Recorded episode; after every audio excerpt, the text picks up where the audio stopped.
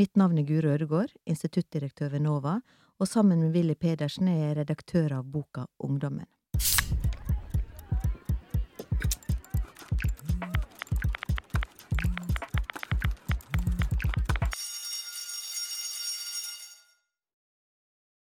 Likestillingsideologien står sterkt i det norske samfunn.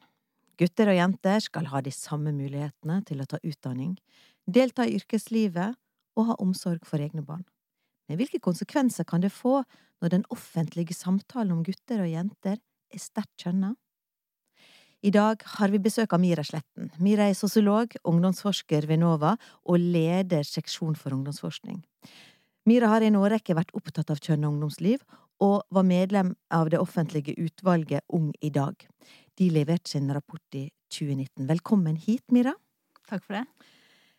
Jeg er jo litt flau for å innrømme det, men som mor til en tenåringsjente og en tenåringsgutt har jeg tenkt at jeg ikke må stresse henne unødig med å presse henne til skolearbeid, mens han derimot kan godt bli litt mer skolestressa for å hindre at han gjør for lite lekser og eventuelt dropper ut. Er jeg fanga i kjønnede og stereotypiske fortellinger uten rot i virkeligheten? Jeg tror på en måte at vi alle er litt fanga i kjønna og stereotype fortellinger. Um, og, men samtidig så er det ikke sikkert at det ikke har rot i virkeligheten, det du ser.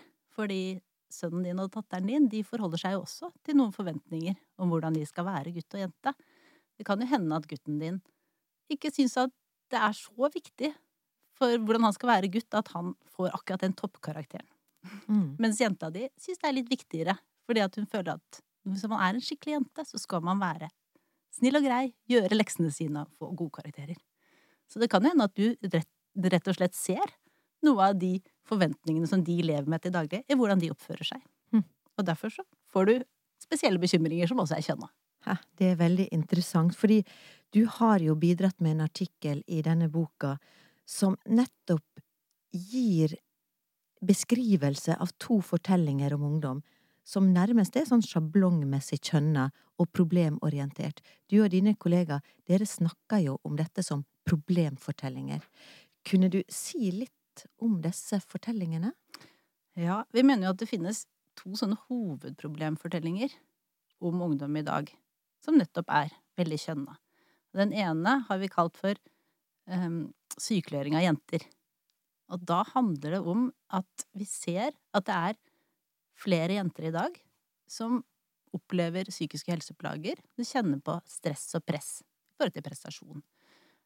Og at de på sett og vis Vi har vel lagt opp som de på sett og vis ser ut til å overoppfylle modernitetens krav til dem, ved at de ønsker å prestere på flere områder og arenaer i livet sitt samtidig, og at de sliter med å takle det totale presset, da, hm. på en måte. Eh, og så har du på en måte en annen og ganske ulik fortelling om guttene og deres måte, møte med moderniteten. Og den har vi kalt svartmaling av gutter. Um, og da handler det om gutter som ikke fikser skolen. Mm. Som um, blir hengende etter, får dårligere karakterer enn jentene etter hvert som de beveger seg oppover i skoleløpet. Og det er flere som faller av skolen og blir gående utenfor senere. Mm. Um, så på sett og vis kan du si at de fortellingene er veldig ulike og tydelig kjønna. Der den ene, liksom jentene, de gjør liksom akkurat det som vi ber dem om. Mens guttene, de um, de leverer på en måte ikke på samfunnet og skolesystemets krav til dem. I denne artikkelen så beskriver dere også det problematiske med disse to fortellingene. Hva er problematisk med de? Det er egentlig problematisk på flere nivåer samtidig. Eh, du kan gå liksom til det helt nære og tenke på at det her med sånne veldig tydelige stereotype kjønna fortellinger, det, det vil, som du hadde i introen din, eh, sannsynligvis også prege gutter og jenter. Eh, på hvordan de oppfører seg, og hva de føler at de mm. liksom Hvilke problemer kan jeg gi uttrykk for til omgivelsene? Eh, og også hva bør jeg strebe etter, hva er liksom ok for meg innenfor en gutte- og en jenterolle? Eh, I tillegg så tenker jeg at det, det preger foreldrene, hvordan de ser mm. på gutter og jenter litt mm. ulikt, og det preger egentlig hele skolesystemet, hva vi ser av problemer hos gutter og jenter, kan man tenke seg. Mm. fordi det er lettere å se den gutten som sliter, som faglig, og som liksom utagerer litt i skolen, enn den jenta som gjør det samme. Og det er lettere kanskje å se den jenta som, som, som sliter med prestasjon og stress, enn å se gutten som gjør det samme. Mm. Ofte så vil de også uttrykke seg litt på ulike måter, så man ikke ser det samme. I tillegg så er det jo noe med hele liksom hvordan vi rigger eh, forebyggingsarbeidet og, og politikken, hvor vi setter inn ressursene. Um, ja, så det liksom, det, noen sånne overordnede fortellinger styrer hele um, både politikk og liksom, ja, tiltaksapparatet. Mm. Vi rigger oss for den typen problemer med gutter, og så rigger vi oss for en annen type problemer blant jenter. Mm. Er det slik da at det vi overser eventuelt nyansen nyansene i dette her, og også andre typer problemområder som, som, er, som kan være dominerende? Ja, det tenker jeg kan være et, Mm. et poeng. Nettopp, det var jo litt det jeg nevnte. Når, når du, du, særlig, man har jo særlig vært oppmerksom på det i forhold til eh, diagnostisering av ADHD. Ja. At det er mange, mange flere gutter som blir diagnostisert med det enn jenter. Fordi at det er noen sånn forventning om at det er et gutteproblem. Mm. Og så har du andre typer diagnoser som er mer utbredt enn jenter. Men Mira, Ja. eh, hvem er det som eh, Hvem er det som er driver av disse litt sånn sementerte problemfortellingene? Er det media? Er det ungdom selv? Er det vi voksensamfunnet som alltid skal finne et eller annet problemområde? Eller er det du som forsker? Her tenker jeg at vi på sett og vis har et kollektivt ansvar. Så, for vi er jo alle eh, del av samfunnet og samfunnsdebatten. Så, så det, det blir jo en sånn logikk, tror jeg, som befrukter hverandre. Det som forskningen holder på med, det som eh, myndighetene holder på med, det som vi holder på med i dagliglivet, og det som jenter og gutter holder på når de Mm. vokser opp og møter andre. Mm. Eh, og hvordan de måtte, utøver sin rolle som jente og gutt. Mm. Så, så det, det er en sånn logikk som på en måte befrukter hverandre. Det er, men så, og derfor tenker jeg at det er veldig viktig at vi stopper opp og liksom ser på de fortellingene og prøver å dissekere de litt. Og finne ut både hvilke bestanddeler som finnes i de, og hvilke forutsetninger som ligger bak. Mm. At vi har dette bildet av hvordan gutter har det i dag, og hvordan jenter har det i dag. Og også vår egen rolle i den produksjonen av disse fortellingene. Mm. Både som forsker, som, med, som eh, journalister og som eh, foreldre og lærere, kanskje. Mm. Du, jeg tenker Jeg syns det er veldig interessant dette her, fordi at det i fortelling om de unge guttene så framstilles jo de som en trussel mot den liksom, sosiale orden, og dere beskriver det som stakkars oss. Og da er ikke det at det er synd på guttene, men det er synd på vi som blir utsatt og blir et offer for utagerende gutter. Og denne fortellinga er jo på ett vis ikke ny, for dette hadde vi på 50-tallet, når disse ungdoms, ungdomsgjengene og arbeiderklasseguttene som fikk mer fritid og var ute og pøbla, at det, den fortellinga ble etablert da. Men denne andre fortellinga, om de pressa og stressa jentene, der får liksom der, de, Dere beskriver de som en sånn stakkars oss-fortelling, og her er ikke eh, eh, Her er ikke jentene eh, jentene problemet, men de er mer eh, offeret. Hvordan oppstår denne fortellinga som dere beskriver som denne sykeliggjøringen av jentene? Er det ei nyere fortelling?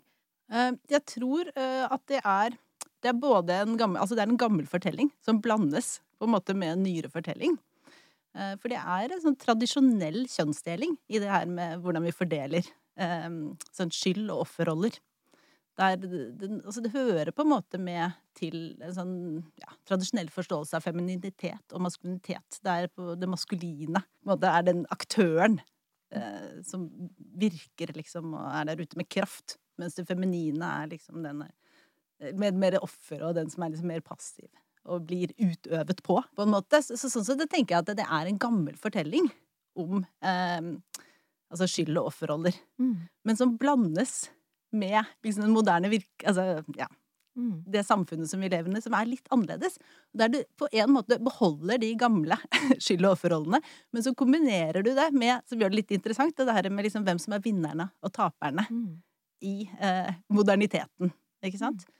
Eh, og det som vi gjør et poeng av i artikkelen, er nok også hvordan det får en sånn særlig kraft i møte med en sånn velferdsstatskontekst Mm. der det er både sånn at man tenker at velferdssamfunnet har ansvaret for barn og unges oppvekst. Sånn det er et sånn kollektivt ansvar, der man, der man um, på en måte skal ja, Man må finne ut tidlig hvem det er som sliter, og man må sette inn tiltak. Mm. Og da er det også en sånn større idé bak dette, som går ut på at man, at man skal sørge for at ikke disse her barn og unge blir en belastning for Mm. samfunnet på sikt. Mm. Og dermed, liksom i den velferdsstatskonteksten, så beholder de her guttene på en måte den, Mm. den skyldrollen, ikke sant? Fordi at vi er redd for at de skal bli en belastning for samfunnet på sikt. Mm. Selv når de er tapere i moderniteten. Det er en litt interessant sånn kombinasjon som skjer, som, som skjer mellom sånne gamle skyld- og offerroller Mm. og liksom den velferdsstatskonteksten og utdanningssamfunnet. Det viser altså at fortellingen om ungdom og sosiale problem er tydelig kjønnet. Eh, gutter utgjør en trussel, og jenter er et offer. Men hvordan utspiller denne fortellingen seg når vi ser på minoritetsungdom? Endrer disse fortellingene seg? Jeg tror på mange måter at de Altså, du, fin, du finner det samme mønsteret, men de kommer i en mer ekstrem variant, og har noen andre komponenter ved seg. Så det er veldig tydelig, den der fordelingen av skyld og offerroller. Mm. Eh, også når, når det gjelder vår bekymring for minoritetsungdom. Og vi er jo særlig bekymra for de her guttene som, som vi er redd ikke skal bli integrert i samfunnet. Men da handler det om å ikke være integrert i utdanning og arbeidsliv. Eh, og bli en sånn trussel som går utenfor, og gjerne at man er redd for at de involverer seg i kriminalitet, danner gjenger. Og, sant? Vi er redd for sånne svenske tilstander. Mm. Så de har, det er en tydelig sånn stakkars oss-fortelling Mm. når det gjelder problemer knytta til, til minoritetsgutter. Mm. Når det gjelder jentene på den andre siden, så har du en, en helt annen fortelling som, som, um, som ha, ikke handler om at vi er redd for at de skal være en trussel for oss. Det er en helt sånn tydelig stakkars dem-fortelling. De Mm. er de sårbare. Mm. Eh, som både, eh, både utsettes for Altså vi er redd for at de ikke skal bli integrert i samfunnet og kunne delta. Eh, og, og, men vi er også redde for at de ikke skal bli norske nok og integrert nok. Mm. Men samtidig så, så, så, så er vi også bekymret for at de på sett og vis overoppfyller på samfunnets krav til dem. Som ungdomsforsker så har jo du bidratt til å rette søkelyset på viktige utfordringer hos gutter og jenter i et samfunn som preges av individualisering og tradisjonelle kjønnsrollemønster. Og du har nettopp satt dette på spissen. Eh, I, i dette bidraget her så eh, er jo du særlig opptatt av at eh, vi må komme oss litt sånn vekk fra disse stereotype fortellingene. Men det ville jo vært problematisk om forskningen ikke rapporterte om disse funnene som nettopp rammer inn disse fortellingene. Ville ikke det? Det, jeg er veldig opptatt av at løsningen ikke er å ikke forske på det.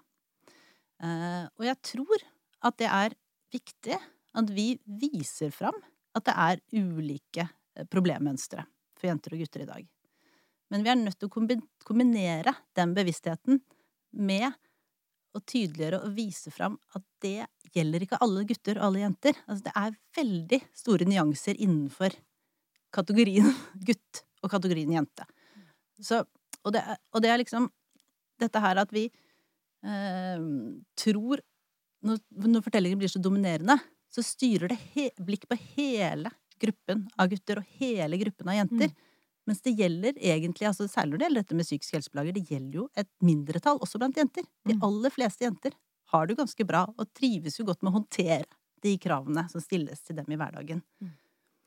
Men når de blir for, fortellingene blir så dominerende, så er det nesten sånn at jenter, altså også jenter som ikke egentlig sliter, Mm. tror at de skal nok slite litt. Det er jo en Mm. kritikk som har vært de Mm. siste årene. Og så har du på den andre siden guttene, ikke sant. Er det sånn at alle gutter på en måte skal bære sitt kjønns dårlige rykte, er det noen som har sagt. Mm. Det er, det er noe med, og det gjelder kanskje særlig disse minoritetsguttene som sliter med det, Mm. at de blir tolket inn i en sånn gjengmedlemfortelling. Mm. Som, det er ganske tøft å bale med i hverdagen. Mm. Så det der det er noe med det der at vi, vi må lette litt av børen. For Mm. de kan, de kan ikke bære liksom hele fortellingen om sitt kjønn. De må få lov å være individer også. Så det er å balansere den store fortellingene med nyansene, jeg tror jeg er kjempeviktig at vi gjør som forskere. Dette tror jeg var et viktig budskap til alle oss som er opptatt av ungdom, som er foreldre til ungdom, som er lærere til ungdom, og som også forsker på ungdom. Tusen takk for at du stilte her i dag, Mira Sletten. Og artikkelen Problemfortellinger om gutter og jenter kan du laste ned gratis fra boken Ungdommen fra Cappelen Dam Akademisk.